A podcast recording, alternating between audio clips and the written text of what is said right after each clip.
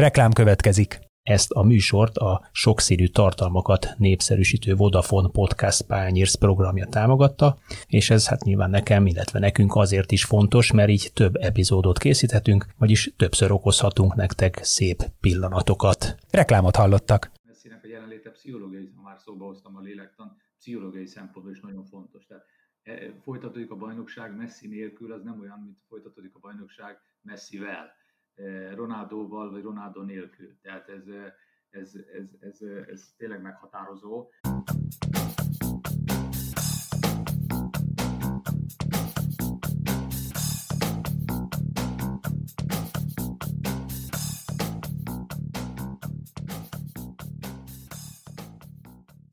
Sziasztok, ez itt az Itzer 24.hu focis podcastja, én Kele János vagyok, és ezúttal is itt van velem Kálnoki és Attila, a 24.hu főmunkatársa. Szia!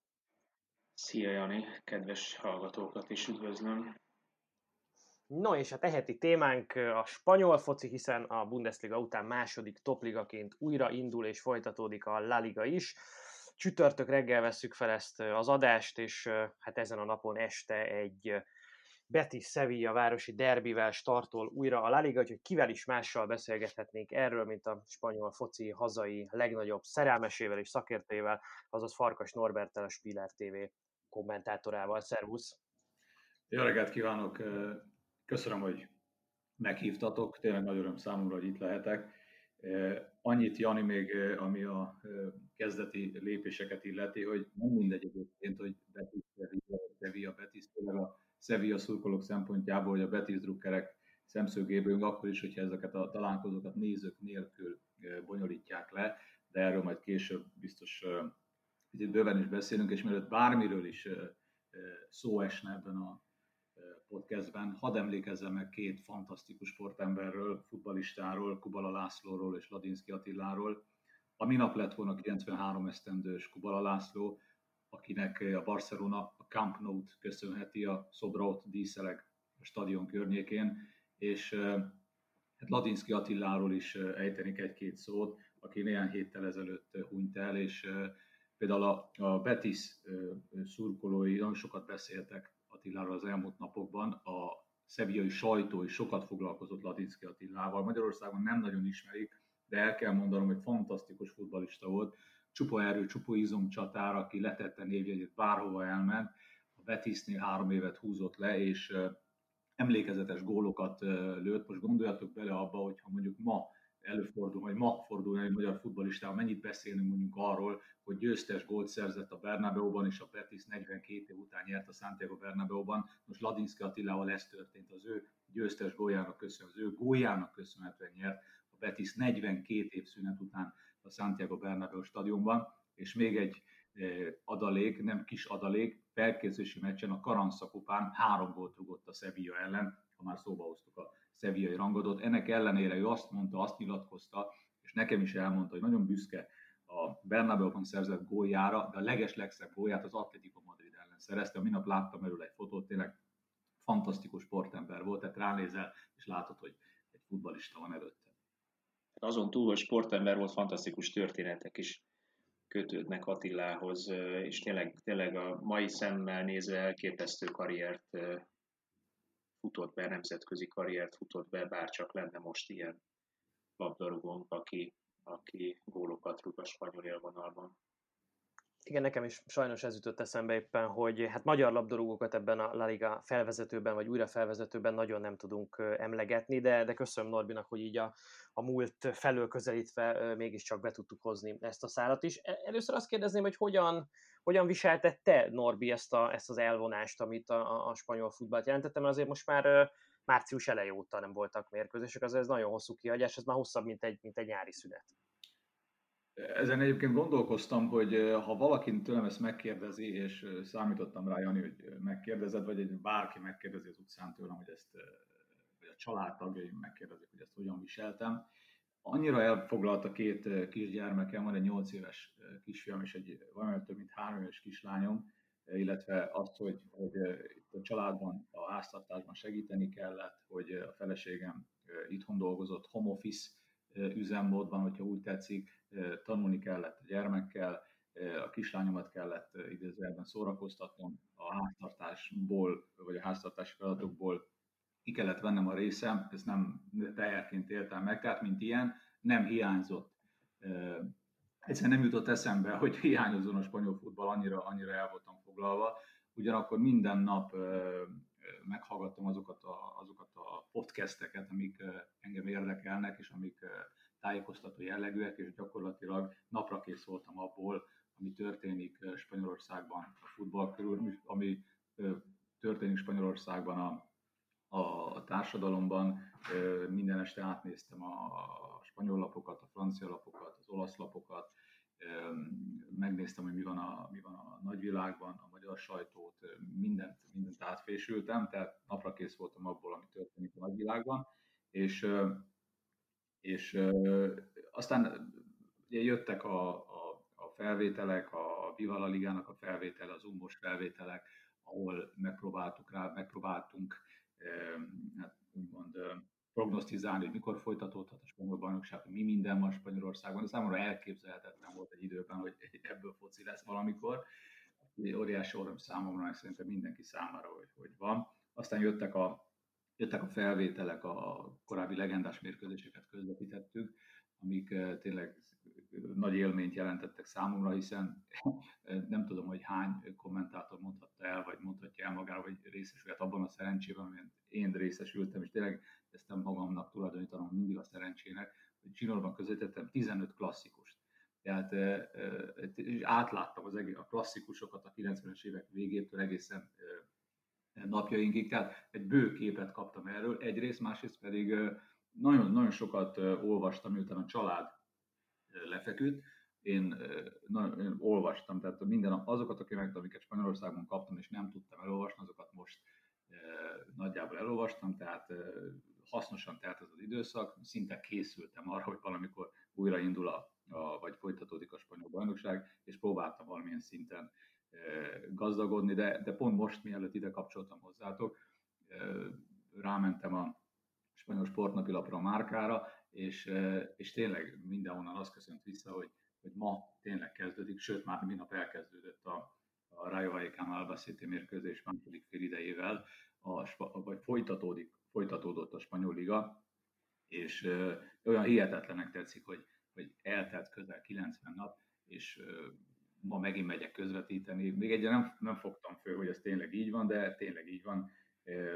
Én a közvetítésben élek, én azt szeretem csinálni, nekem ez a munkám, én ehhez értek, megjavítottam én az ágyat is itt, itthon, mert a kisfiam addig ugrált, amíg eltörte, és a két bal kezemmel tényleg megjavítottam. Nem, mai napig nem tudom, hogy hogy, de tényleg megjavítottam. Olyanokat csináltam, amikről azt gondoltam, hogy nem vagyok képes, de tényleg megcsináltam, ez is valamilyen szinten gazdagít, úgyhogy a kérdésedre válaszolva, picit hosszan válaszoltam, nem, nem nagyon foglalkoztam vele, aztán lassan, lassan, ahogy egyre inkább érkeztek a pozitív hírek Spanyolországból, már mondjuk nagyjából 3-4 héttel ezelőtt lehetett tudni, hogy vagy június 12-én, vagy június vége felé folytatódik, és mint tudjuk, ez ma folytatódik este 10-kor.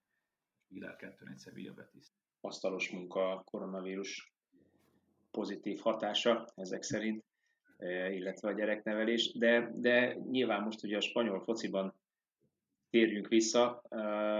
Hogy látod a, a versenyfutást az aranyéremért? Ugye most szokásosnál is talán egy kicsikét egyértelműbb a, a két nagy, a Real Madrid és a Barcelona versenyfutása. Pontosabban van mögöttük egy harmadik helyezett, ugye a Sevilla, de hát ők is 9, illetve 11 pont hátrányjal, vagy a Sevilla is 9, illetve 11 pont hátrányjal követi a, a Barcelonát, illetve a Real Madridot.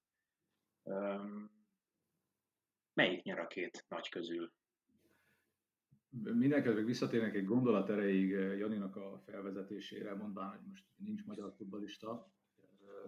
Képzeljétek el, tegnap korán elaludtam, de ma reggel több üzenetet is kaptam a telefonomra.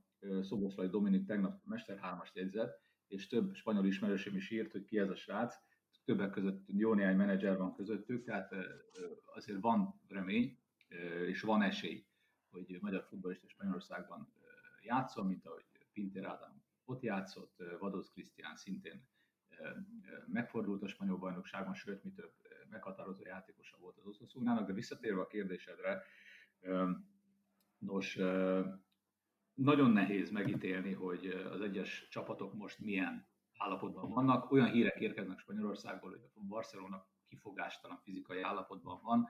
A Real Madrid tényleg fantasztikus formában játszik, egy-két képet lehet látni, mert hivatalosan sajtós nem vehet részt edzéseken, de a liga, spanyol liga készít felvételeket, készít fotókat, és ezeket közlik, és ezeket lehet ezek közül lehet böngezni, és lehet nézni, és lehet látni, hogy mi történik a pályán. És hogyha valamit nem látunk, mint hogy mondjuk nem látták Sevillában Okámposzt, akkor elkezdtek találgatni, hogy mi van Okámposszal, vagy kezdhettem volna azzal, hogy nem látták Messit, és akkor elkezdtek találgatni, hogy mi van Messivel, miért nem játszik, mi, mi nincs ott az edzésen Messi, és ez korábban nem lett volna probléma, mert tudtuk volna, hogy mi van Messivel, mert egy másodperc alatt kiderült volna, de ebben a, ebben a szituációban kicsit nehezebb, ugyanis orvosi jelentések a futballisták állapotáról nem jelennek meg, nem is jelenhetnek meg, most én úgy tudom, úgyhogy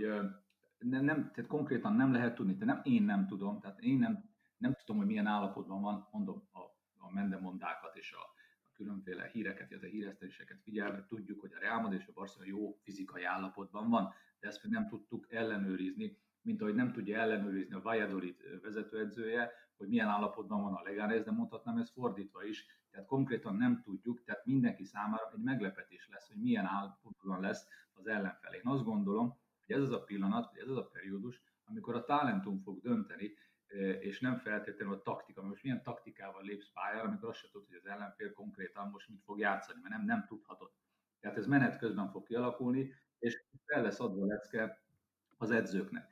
Ami a Barcelonát, illetve a Real Madridot illeti, hát kezdjük, kezdjük a Real Madriddal. Tehát, tehát, hogyha mondjuk ezt a kérdést fölteszed nekem, Attila, március elején, mondjuk a klasszikus után, hogy Barcelona vagy Real Madrid, akkor se tudtam volna neked válaszolni. Nem, ez annyira hektikus és bizonytalan volt a két csapatnak a teljesítménye, és, és kiszámítni, nem az, hogy bizonytalan, bizonytalan is, de kiszámíthatatlan is, hogy nehéz volt megmondani, hogy Barcelona vagy Real Madrid. A 0-0 után, tehát az elhalasztott Barcelona-Real Madrid 0-0 után egybehangzó véleményeket hallottam Spanyolországban, hogy biztos, hogy Real Madrid. Utána már nem biztos, hogy Real Madrid, utána már mindenki elbizonytalanodott, most meg pláne nagy a bizonytalanság, és az a két pont az ég a világon semmit nem jelent. Milyen faktorok léphetnek mondjuk életbe? Vegyük mondjuk, ahogy kezdtem a Real Madrid. A Real Madrid nem otthon játszik a Bernabeu-ban, hanem tulajdonképpen otthon, de, de nem abban a stadionban, amit a játékosok megszoktak. Ez az Alfredo Di Stefano stadion a Valdebebasban, ahol a Castilla játszott, tehát Zidane számára ismerős lesz a létesítmény, de nagyon-nagyon sok Real Madrid játékos arra felé sem járt. Tehát nem is Szalai Ádám számára is ismerős. Szalai Ádám számára is ismerős, tehát meg egy-két magyar srác számára, akik ott megfordultak próbajátékok, vagy különböző nyári felkészüléseken, vagy nyári táborokban.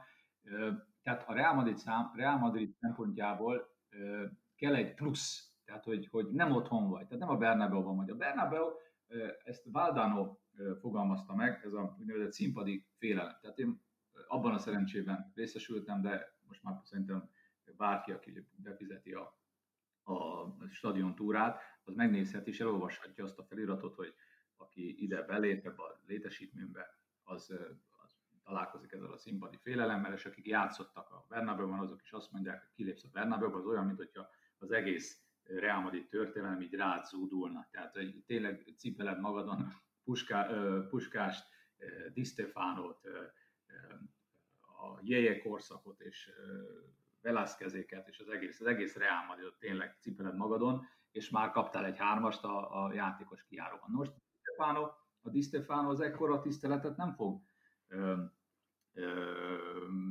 szülni, ha úgy tetszik, az ellenfél ö, játékosaiban, hogy átérjek a túloldalra. Tehát a hazai csapat részéről kell egy plusz, egy plusz motiváció, egy plusz. Tehát tényleg egy, tehát a Real mind a 11 mérkőzését meg kell nyernie, csak úgy, mint a Barcelonának. Tehát e tekintetben kell egy plusz, ugyanakkor azt látja, hogy a túloldalon az a fajta tisztelet, ami a Bernabeu-ban megvolt, az itt valószínűleg nem lesz meg.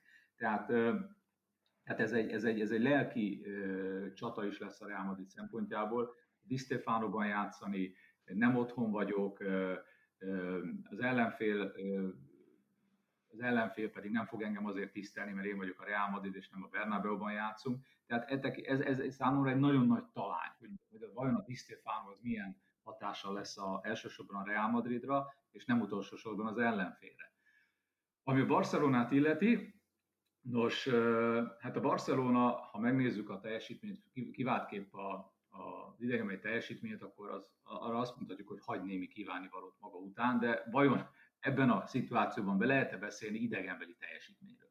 Mert hogy mert elmész Majorkára, és nem, nem, nem szurkol senki a, a hazai csapatnak, de mondhatnék itt más példát is, akkor, akkor egy picit könnyebb, könnyebb leszel, tehát könnyedebben fogsz futballozni, felszabadultabban fogsz játszani, mégis rendkívül odafigyelve kell futballozni, úgy idegenben, mint hazai környezetben. Tehát a Barcelonák is mind a 11 mérkőzését meg kell nyernie, tehát mondom, vannak pozitív faktorok mindkét oldalon, fölépült Azár, fölépült Asensio, és mind a kettő kiváló formában van, a túloldalon Luis Suárez is fölépült, nem fog játszani egy teljes mérkőzést, hogy szépen megelőlegezte, de ott lesz a pályán, ott lesz a pályán minden bizony a Messi is, akinek úgy tűnik, hogy csak egy kisebb izomsérülése volt, de még szerintem lesz, talán még neki is, a többieknek is, hát a Bundesliga első fordulója után 12 játékos sérült meg, tehát a, tehát a, a, a, a pályafaktort, én inkább azt mondom, hogy a publikum, a nézőfaktort, azt most zárójelbe kell tenni, hogy csak a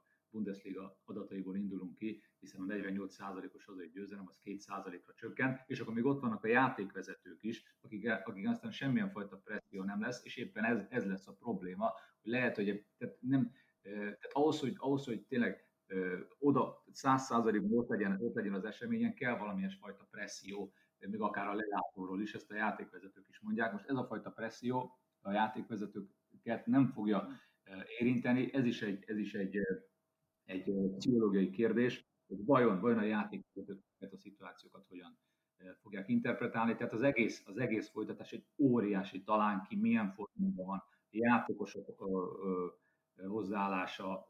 Mondjuk a, szerintem a plusz motiváltságban nem lesz probléma, ők is örülnek, hogy futballozhatnak. Milyen, hogyan ö, ö, állnak hozzá majd a játékvezetők, tehát kérdések sokasága, és a kérdésedre válaszolva Attila, nagyon nehéz megmondani, és még miután annyira bizonytalan minden, még azért matematikai szansz van mindenkinek ott a Real Madrid, illetve a, Barcelona mögött, de most ugye a Barcelona Real Madrid a, a sorrend, tehát matematikai szansz van, óriási, óriási lesz a harc, minél kielezettebb lesz a bajnokság, annál jobb.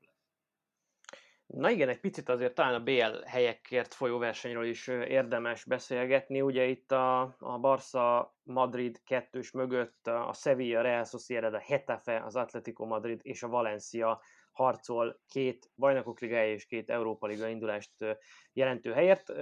A koronavírus miatti leállás előtt közvetlenül a Liverpoolt a BL-ből búcsúztató Atletico Madrid aktuálisan nem áll éppen a legjobban, ők ugye csak hatodikok, de hát mindössze két pont a lemaradásuk a harmadik helyzet Sevillához képest, és igazából erre lennék kíváncsi, hogy te ezt hogyan látod. Én a Bundesliga újraindulás óta valahogy azt a következtetést vontam le, hogy azért azok a csapatok tudtak jól szerepelni ebben a nagyon furcsa időszakban, ahol az egyéni minőség erős, vagy erősebb, mint a riválisoknál. Vagy mondjak két példát, az a Lipcse és Mönchengladbach, amely az ősszel meg itt a leállás előtt nagyon komoly csapatjátékkal, taktikai érettséggel, fegyelmezettséggel hívta föl magára figyelmet, és ért el nagyon jó eredményeket. Ők azért potladoznak szépen az újraindulás óta, és közben a Dortmund, meg a, meg a Bayern München, akiknek azért talán egyéni kvalitásuk szempontjából előnyük van a többi Bundesliga csapattal, ők könnyebben veszik az akadályokat, ez főleg a Bayern München, akiknek ugye a legnagyobb ez az egyéni kvalitásbeli előnye a riválisokhoz képest. Ez segíthet itt az Atletico Madridnak, akiknek azért nyilván szívünkre tesszük a kezünket, azért jóval jobb játékosjaik vannak, meg jóval erősebb a játékos keretük, mint akár a Hetafe, akár a Real Sociedad, meg talán még a Sevillánál is elmondható ez. Nézd, ami az egyéni kvalitást, a talentumot illeti, erre kitértem a, a néhány perccel ezelőtti gondolatomban, hogy szerintem most ez nagyban fog dönteni. Ez egyéni kvalitás. Tehát azoknak, akik ki kell jönniük a bokorból, azoknak ki kell jönniük a bokorból, és el kell dönteniük a meccset. Most nem Zsal Félix lesz az, mert megsérült. Tehát ő, ő, meg amúgy sem láttam én benne azt a, egyelőre nem láttam benne azt a srácot, aki, aki óriási súlyjal rendelkezne, és óriási súlya bírna a csapaton belül, ami mérkőzések eldöntését illeti, de azért látunk Liverpoolban egy feltörekvő Jorentét, aki, aki bele szövődhet valahogy ebbe a csapatba, és egy hasznos tagja lehet a csapatnak.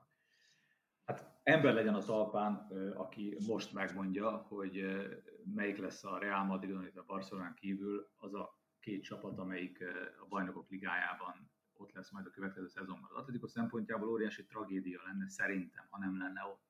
Tehát az, az a na óriási visszalépés lenne. Persze, hogyha az Atletico Madrid megnyeri a BL-t, akkor teljesen más lesz a helyzet. Egyébként még az, az is benne van a pakliban, hogy pont a Vanda Metropolitánában rendez, rendezik majd a, a BL utolsó szakaszát, 8 csapatos versenyt, amiről mi nem tudjuk, hogy hány csapatos, meg azt se tudjuk, hogy milyen, azt se tudjuk, hogy hol lesz, azt se tudjuk, hogy mikor lesz. 17-én az UEFA dönt majd arról, hogy egyáltalán mi lesz a, mi lesz a, a bajnokok ligájának a sorsa. E tekintetben hihetetlen verseny lesz. Tehát a Sevilla az végül is egy kiegyensúlyozott csapatnak számít Gyurán Lopetegivel a kispadon. Rengeteg, rengeteg játékos, és ez is nagyon fontos, hogy milyen kereted van, mert ugye lehet ötöt cserélni, nem biztos, hogy jó az, hogyha ötöt cserélsz, de bizonyos csapatoknál jó, hogyha mondjuk védekezel, akkor még behozol négy játékost, ha támadsz, akkor még behozol két, vagy ha védekez, behozol még néhány védekező játékos, hogy tartsad az eredményt. Tehát ez, ez egy óriási sakjátszma, vagy fölfelé cserélsz, ez egy óriási sakjátszma lesz a, a, a játék, a, a, a, az edzők szempontjából. A Sevilla szerintem egy stabil játékkal meg tudja őrizni azt a pozíciót, hogy ott legyen a bajnokok ligájában. Aztán, hogy, hogy Real Sociedad, Getafe, Atletico Madrid, vagy éppen Valencia, hát nem tudom, nem tudom, nem is mernék jósolni, a Real Sociedad szenzációs futballt játszik, a Getafe úgy játszik, hogy bebizonyítsa, hogy másképpen is lehet futballozni eredményesen. Az Atletico Madrid nélkül most már a bajnokok ligája elképzelhetetlen. A Valencia szintén egy nagy talány, fogalmunk sincs, hogy mi lesz, a, mi lesz majd a Valencia, vagy milyen lesz a Valencia teljesítménye. Tehát egyelőre ez is megfejthetetlen, mint ahogy lejjebb megyünk az Európa Liga indulást író pozíciók is, egyelőre megfejthetetlennek tűnnek, tetszenek, a kiesés elkerüléséért is óriási lesz a harc, Membergról meggyőződve, hogy az eszpanyol ki fog esni például. Azért az is egy, egy tapasztalat, ugye itt a magyar, illetve a Bundesliga, Magyar Bajnokság és Bundesligát nézve, ezzel az öt cserével azért szeretnek élni az edzők. Magyarországon egyértelműen szinte mindig minden mérkőzésen meghúzzák az öt cserét. Valószínűleg azért is, mert ugye, hogy pihentessék a játékosokat a szerda-szombati ritmusban, jóval nagyobb a rotáció, és ilyen szempontból feltételezem Spanyolországban is hasonló lesz a helyzet, hiszen ott is rövid időre sűrítik be a hátralevő fordulókat, és uh, nyilván ebben nem csak és kizárólag a minőség dönt majd, hogy megvan-e az az egyéni kvalitás, aki tud villanni, hanem az is, hogy kinek milyen hosszú a kispadja, ugye ahogy szokták mondani. Magyarán a, a 16-os keretben e, milyen kvalitású játékosok ülnek, vagy kik azok, akik kiszorulnak a, a csapatból. Ebben mit látsz, hogy, hogy, hogy ebben van-e, van-e különbség a, a csapatok között? Feltételezem azért itt is a Barcelona és a Real Madridán legjobban, bár ugye nagyon sokszor látjuk azt is, hogyha Barcelonában kiesik egy Messi, vagy kiesik egy-egy meghatározó játékos a Real Madridban, teljesen másképp néz ki a csapat. Ugye erre lehet más példákat is mondani, hogyha éppen úgy rotál egy edző, hogy mondjuk négy-öt meghatározóbb játékos kispadon kezd, és utána behozza mondjuk a 60.-70. perc tájékán őket, teljesen más a mérkőzés kinézete az utolsó 20 perc, mint az első 70 eh, percben volt. Mit látsz ebben, hogy, hogy ebben ki a, a, kinek vannak tartalékai? Nézd, ha ezt veszük alapul, akkor minden kétséget kizáróan az erős csapatok vannak előnyben, amelyek, ahogy te is említetted, hosszú paddal rendelkeznek és a leges legjobb helyzetben, hogyha megnézzük a kereteket, a szakvéleményeket olvasva, a Real Madrid van. Tehát a Real Madridnak van a leghosszabb keret, tehát a Real Madrid tud a leges legjobban gazdálkodni, de ne feledkezzünk meg a Sevilláról sem. A Sevillának is fantasztikus kerete van, tehát van, lesznek majd meglátjátok olyan játékosok, akiket látni fogunk, mint például Roni López, akiket eddig nem nagyon láttunk. És most fog kiderülni, milyen futbalisták. 23 játékos lehet nevezni egy mérkőzésre, csak úgy, mint egy világbajnokságon, és összesen 16 játékos játszik. Attila, te sportoló volt, nem is akármilyen, futballban élsz, hiszen a fiat kiváló labdarúgó, tudod, hogy vannak elégedetlen futbalisták.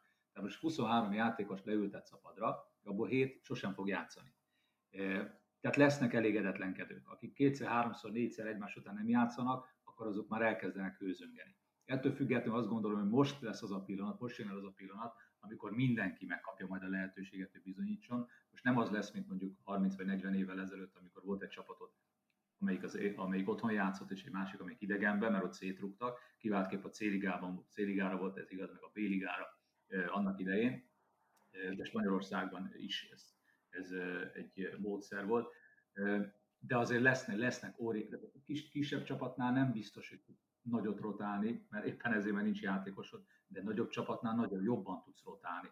Most a Barcelona középpályán van 5-6 játékos, mindegy, vagy szinte mindegy, hogy melyiket, melyik hármat játszhatod, vagy most nem lesz akkor a nagy kérdés, hogy Rakitic vagy Artur, mert egyszer játszik Artur, egyszer meg játszik Rakitic, egyszer meg játszik, egyszer játszik Vidal, Arturral, utána Rakitic Vidállal, tehát bőven van lehetőséget a variációra. A kis csapatokkal lesz probléma, a Leganesnél lesz probléma, a Valladolidnál lesz probléma, de ezeknél a csapatoknál például azt várom, hogy előkerülnek majd a B csapatból fiatal tehetséges játékosok, mint hogy például a Sevilla esetében, amelyik egy nagyon-nagyon bő kerettel rendelkezik, előkerülhet egy 16 esztendős mexikói születésű, de argentin válogatott srác, aki, akiről azt mondják, hogy ő a mexikói Messi, aki ha lehetős, ha engedélyt kap a ligától, akkor lehet, hogy a bajnokság vége felé látjuk ezt a srácot, és uh, csodálhatjuk. Én most találkoztam ezzel a névvel uh, néhány héttel ezelőtt, de azt mondják, hogy figyelni kell rá, mert, mert tényleg egy, egy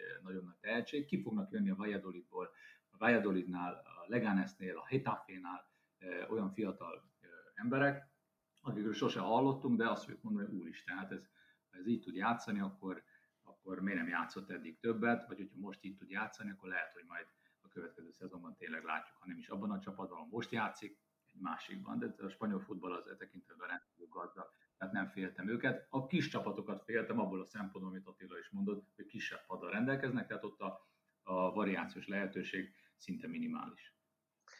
Nagyon érdekes a, a cseréken elgondolkodni. Épp a minap olvastam egy cikket, a Bundesligának a, a trendjeit elemezték a cseréken keresztül, hogy hogyan változtatta meg a, az edzőknek a, gondolkodását, az, hogy öt csere lehetőségük van. Egyébként nagyon érdekes, hogy például a Bayern München átlagban 3,75 cserét használ ki. Tehát, hogy akinek a leghosszabb padja van, igaz persze, hogy ők rá sincsenek szorulva mondjuk az eredmény alapján sokszor, de hogy ők nem igazán használják ki például ezeket a cseréket. Ott van a Wolfsburg, amelyik még, még a hármat sem használja ki például itt, itt az ötből, de, de tényleg alig találni olyan csapatot, amelyik mondjuk négy és fél fölött van átlagban a cserék tekintetében, de nem is ez az igazán érdekes, hanem amit igazán befolyásolt az, hogy több csere lehetőség van, hogy hamarabb nyúlnak bele az edzők a mérkőzésbe. Tehát a 60. perc előtt megeső cseréknek az aránya az nagyon-nagyon fölment. Adott esetben már a félidőben sokkal egyszerűbb belenyúlni a meccsbe, ettől, ettől szerintem taktikailag akár izgalmasabb is lehet, mert, mert könnyebb kockáztatni ebből a szempontból, úgyhogy erre is talán majd érdemes lesz figyelni a La Ligában. Az jutott még eszembe, és erről nagyon érdekel a véleményed, Norbi, mm. hogy mi a helyzet az időjárással Spanyolországban, mert azért ott eléggé melegek tudnak már lenni az évnek ebben a szakában, tehát azért nem véletlen, hogy, hogy ilyenkor nem nagyon szoktak futballozni, vagy nem rendeznek már ugye bajnoki mérkőzéseket sem, és ugye most, hogy nagyon sok mérkőzést kell lejátszani rövid idő alatt, lényegében majd, hogy nem minden nap lesz mérkőzés, az sem biztos, hogy megoldható, hogy mindent elpakoljanak itt a nekünk este 10 órás, vagy az ottani este 10 órás időablakban, amikor ugye őt rendszeresen futballoznak, mert hogy akkor hűl le olyan hőmérsékletűre a levegő, ahol, ahol ez megoldható, vagy, vagy kellemesebb. Szóval mi lesz mondjuk ilyen helyzetben, ha mondjuk június végén déli mérkőzéseket rendeznek a kínai ö, tévénézők miatt, ugye, hiszen van ez az idő intervallum a spanyol bajnokságban. Erre mit gondolsz, ez hogyan befolyásolhatja, vagy, vagy ez lehet, hogy egy tök hülye kérdés volt egyébként? Egyáltalán nem volt, Jani. A, visszatérve a, a cserékre még egy pillanat erejéig, például, hogyha megnézitek, Zidán alig cserél. Na most kíváncsi vagyok, hogy hogy fog cserélni Zidán, egyrészt, másrészt pedig itt lesznek cserék a 30. percben is, majd figyeljétek meg. Tehát, hogy attól függően, hogy az ellenfél mit játszik. Tehát itt lesznek, lesznek e tekintetben már nem lesz, a taktikának olyan nagy szerepe az elején nem lesz, azért a 30 percben lesznek változtatások. Ami a, a szóba hoztad a, a kínai tévénézőket, épp a minap hallottam a spanyol rádióban, hogy a Kínai Labdarúgó Szövetség elment Spanyolországba, Lász Rózászba, és egy az egyben lemásolta a tervet, hogy a Lász Rózász a, a spanyolországi futball fő hadiszállás, hogyha úgy tetszik, lemásolták a tervet, és öt különböző helyen építik föl Kínában. Edzők mennek Spanyolországba, Spanyolországból Kínába, ott képezik ki az edzőket, mert a kínai módszer szeretnék. Most a, a spanyol módszert követik most a kínaiak. Most a kínai futball azért nem, bizonyos szempontból nem sikeres, egy picit elkanyarodtam, túl sikeres, mert ott nincs türelem, tehát három, négy, öt év, mondják a spanyol emberek, akik ott dolgoztak, hogy három-négy évenként változtatnak koncepciót, és e tekintetben, hogyha mondjuk kitartanának egy mellett, akkor lehet, hogy, hogy sokkal sikeresebbek lennének.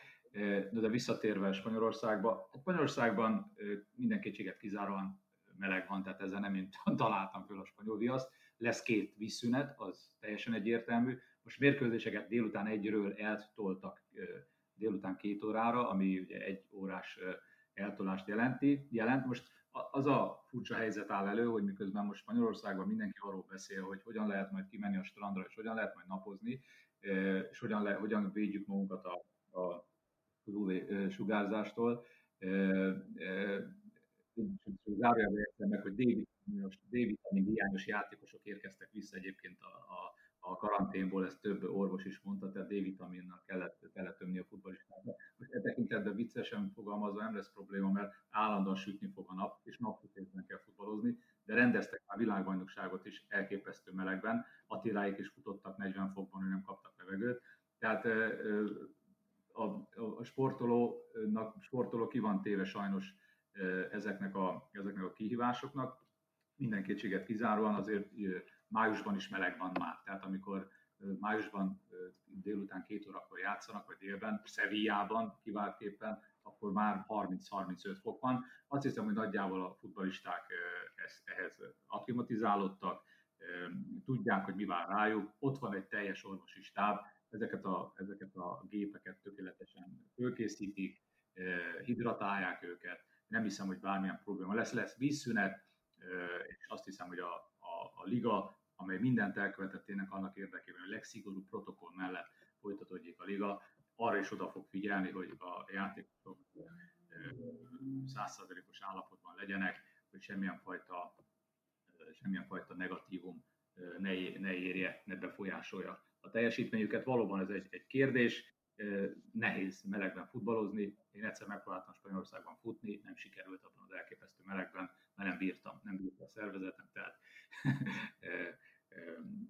de ezek a srácok meleg hozzászoktak, tehát Spanyolországban élnek, többnyire sok a spanyol, Spanyolországban születtek, ott fociztak a tengerparton, más, máshoz szoktak, nekünk azért kicsit kisüt a nap, már problémáink 35 nem tudod mindenképpen én, amikor a barátokkal játszom. Hova tovább a Barcelona olimpián a futáson 1992-ben 45 fok volt, úgyhogy, úgyhogy én át tudom érezni ezt, Igen. illetve hát ugye aki, aki szokott melegebb éghalaton nyaralni, és mondjuk ott részt vesz csak délután 4-5 akkor egy-egy ilyen közösségi sportfoglalkozáson, mint strand, foci vagy ilyesmi, az is pontosan tudja, hogy, hogy mondjuk ott hogy csak egy 45 percet kell kocorászni saját úrias pocakos tempójában mondjuk a, a gyepen a különböző nemzetiségű strandolók és fürdőzők között, hát az igencsak igénybe veszi a szervezetet. És hát ugye itt a sérülés veszély is, is jóval nagyobb. Ahogy mondtad, vitaminháztartás már amúgy is kiürülve érkeznek be, és bár ugyan próbálják föltölteni, de hát azért egy három hónapos kihagyás nem múlik el nyomtalanul, ezt látjuk minden bajnokságban a sérülés, amelyik elindult, hogy a sérülés számok is nőnek, és itt hát újra szerepet kap ugye a kispad hossza, Minden esetre azon érdemes lenne talán végigfutni, én nem, nem hagylak, Norbi, hogy, hogy, hogy kibújj ez alól, hogy azért mondjuk, ha csak két nagyot nézzük, hogy, hogy kikkel játszanak, a hátraledő időszakban. Ugye a Barcelona utazik Sevillába, és fogadja a Madridot, az Atletico Madridot. Míg, míg a Real Madrid ugye a negyedik Sociedad vendége lesz, és fogadja a Hetafét, de még a Valencia is hátra van neki. Tehát vannak itt komoly rangadók, vagy lesznek komoly rangadók pro és kontra. Mégis, mégis azért próbáljunk meg tippelni valamit, mert én, én próbálom bele kihozni, hogy elfogadom, hogy szinte lehetetlen, mert nagyon-nagyon sok az ismeretlen, és nagyon sok az összetevő. De, de mégis a, a mérkőzés számok és a mérkőzés minőségek alapján melyik csapatnak van könnyebb dolga, akkor fogadjunk, fogalmazzunk így a hátralévő 10-11 fordulóban. Nézd, nagyjából elmondod, hogy milyen csapatokkal találkoznak, és milyen erőkkel találkoznak. Az Atletico Madridot szóba hoztad, most Diego Simeone bármennyire is próbálkozik, amióta Spanyolországban edzősködik, amióta az Atletico Madrid vezetőedzője, addig óta nem tudta legyőzni bajnoki találkozón a Barcelonát. Tehát a, a, a, valahogy valamilyen szinten egy mumusa a Barcelona Diego Simeone-nak, a bajnokok ligájában teljesen más a helyzet. Nézd, az első négy fordulóban úgy ö, tapasztaltam, vagy úgy emlékszem, hogy az első négy fordulóban korábban játszik a Barcelona. Tehát az mindig némi, némi pressziót jelent a követ a, az üldözőre, hogyha ha te nyersz, és erőt ad az üldözőnek, hogyha nem nyersz. Tehát ez, ez, ez, ez, ez mindig nagy sakjátsz majd fordulunk belül is, hogy a Real Madrid szombaton játszik, a Barcelona vasárnap játszik tízkor, vagy éppen fordítva. Ez azért óriási pressziót tud gyakorolni. Azt most mondom, hogy tudom, hogy az utolsó két fordulót, tehát az utolsó kettőt, a 37 és a 38-at, azt egy időben fogják játszani. Tehát mind a tíz meccset. Persze, hogyha már eldől, hogy, hogy eldőlt, hogy ki az a három kieső, illetve az a néhány csapat, amelyik ott van, az a két csapat, amelyik ott van a BL-ben, akkor teljesen más a helyzet, de szerintem minden tényleg az utolsó előtti és az utolsó fordulóban dől el. Tényleg nagyon-nagyon nehéz megválaszolni. Annyi, annyi mindentől függ, hogy, hogy, hogy most Barcelona, Real Madrid, vagy Real Madrid, vagy Barcelona, vagy esetleg beleszól a Sevilla, lehet a Real Madridnak egy rossz, rosszabb sorozata, lehet a Barcelonának egy rosszabb, rosszabb sorozata. Itt, itt két-három meccs, meccset elbuksz, és, és óriási hátrányba kerülsz. Most mindegy, hogy az élvonalbeli csapatokról beszélünk, vagy a, vagy a hátsó régióban helyet foglaló csapatok, ö, ö, ö, csapatokról beszélünk. Tehát nem akarok kibújni a kérdés alól, mert, mert egyszer nem lehet megmondani. Tehát mind, meg, megjósolhatatlan, hogy milyen ellenfelekkel találkoznak. Elméletileg Sevillában, Sevilla ellen játszani nagyon nehéz. Elméletileg San Sebastiánban játszani nagyon nehéz, de most nincs ott a publikum a, a Real Sociedad mögött, nincs ott a, a Ramon Sánchez Pizjuán a Sevilla mögött. Igaz, a Barcelona mögött sincs ott a Camp Nou, de lehet, hogy most, most, most hogy Barcelonában a, a vezérkarban problémák vannak, lehet, hogy jobb is most, hogy nincs ott a Camp Nou, mert lehet, hogy Bartomeuval foglalkoznának és őt fütyülnék, hogyha mondjuk a pályán kimaradna egy helyzet, vagy mit tudom, vesztésre állna, vagy hátrányba kerülne éppen a csapat. Tehát vannak pszichológiai tényezők, amik most nem játszanak szerepet, viszont sokkal több pszichológiai tényező dönt az egyik vagy a másik csapat javára. Egy dolgot mondj még meg, Norbi, legalábbis egy dologra nagyon kíváncsi vagyok még. Ha meg tíz futball kedvelő ismerősömmel beszélek, vagy beszéltem az elmúlt időszakban, ebben a szezonban, akkor mondjuk abból legalább hét azt mondta volna, meg azt is mondták nekem, hogy Lionel Messinek azért idén nincsen túl jó szezonja, talán ő már nem annyira jó, mint korábban volt, idén aztán különösebben. Erre én most ránéztem erre a beszélgetésre készülve a 30 legfontosabb támadó statisztikai mutatóra az idei La Liga szezonban. Ebből a 30-ból diszkrét 23-ban a legjobb Lionel Messi az idei szezonban is segíts már nekem ezt az ellentmondást feloldani, vagy te mit, mit gondolsz egyáltalán Messi idei szezonjáról? Nézd, ha Messi vagy egy Ronaldo egyetlen gólt sem rúgna, és gyakorlatilag ennek a teljesítménynek a negyedét hozná le nálam, akkor is Messi és Ronaldo a világ két legjobb labdarúgója, amíg ők futballoznak. Én soha nem mondanám meg, egyszer nem, nem hogy a lelkismeret nem visz rá, hanem hogy, hogy hogy jövök én ahhoz, hogy Messinek a teljesítményét én, én, én elemezzem, vagy hogy egyáltalán olyat mondjak, ami, ami, hát mondjam, ami, ami esetleg negatívum lenne Messivel kapcsolatban. Én azt gondolom, hogy örüljünk, hogy Messi még játszik. 2021-ben lejár a szerződése. Tőle függ majd, hogy hosszabbít, hogy hogy hosszabbít és hogy nem hosszabbít. Sokan azt szeretnék, hogy Messi one man, one man club lenne, tehát végig egy, egy azon klubban futballozna.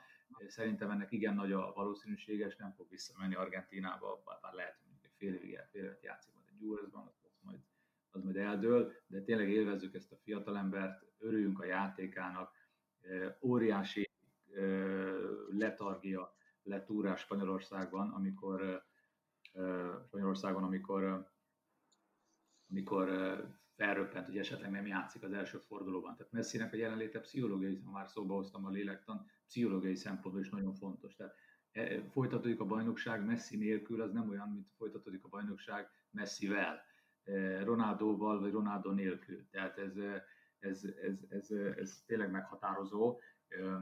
Nem, nem, én ebben a kérdésben nem, nem tudok és nem is akarok állást foglalni, mindenkinek vannak preferenciái. Én örülök, hogy ezt a fiatal embert nagyon fiatalon megismerhettem, akkor, amikor még senki nem volt rá kíváncsi, amikor 15-16 éves volt, idestova 15 éve közvetítem a góljait, és, és, és tényleg óriási öröm számomra, hogy láthatom, láthatjuk mindannyian is élvezhetjük a játékot. Például nem régen belenéztem egy archív mérkőzésbe, a Platini, Bonyek és Cabrini játszott, és tényleg nagy élmény volt nézni. Platini, Bonyeket és Cabrini, de, de Messi-t látni az más. No, hát csütörtök estétől La Liga újra, Messi-t látni és megszeretni, aki eddig még nem látta, és hát minden spanyol futball kedvelő akkor a Spiller 2 képernyői elé. Farkas Norbertel, illetve Matusz Krisztiánnal ők lesznek a kommentátorok, ha jól tévedek. Jó munkát kívánok, és akkor tényleg térjünk vissza lassan a normális kerékvágásba, hiszen indulnak majd a, a, az egyéb top bajnokságok is a jövő héten szériá, és a Premier League is visszatér. Majd köszönöm szépen, hogy itt voltál velünk, Norbi. Én is köszönöm. Én köszönöm. Köszönöm a lehetőséget.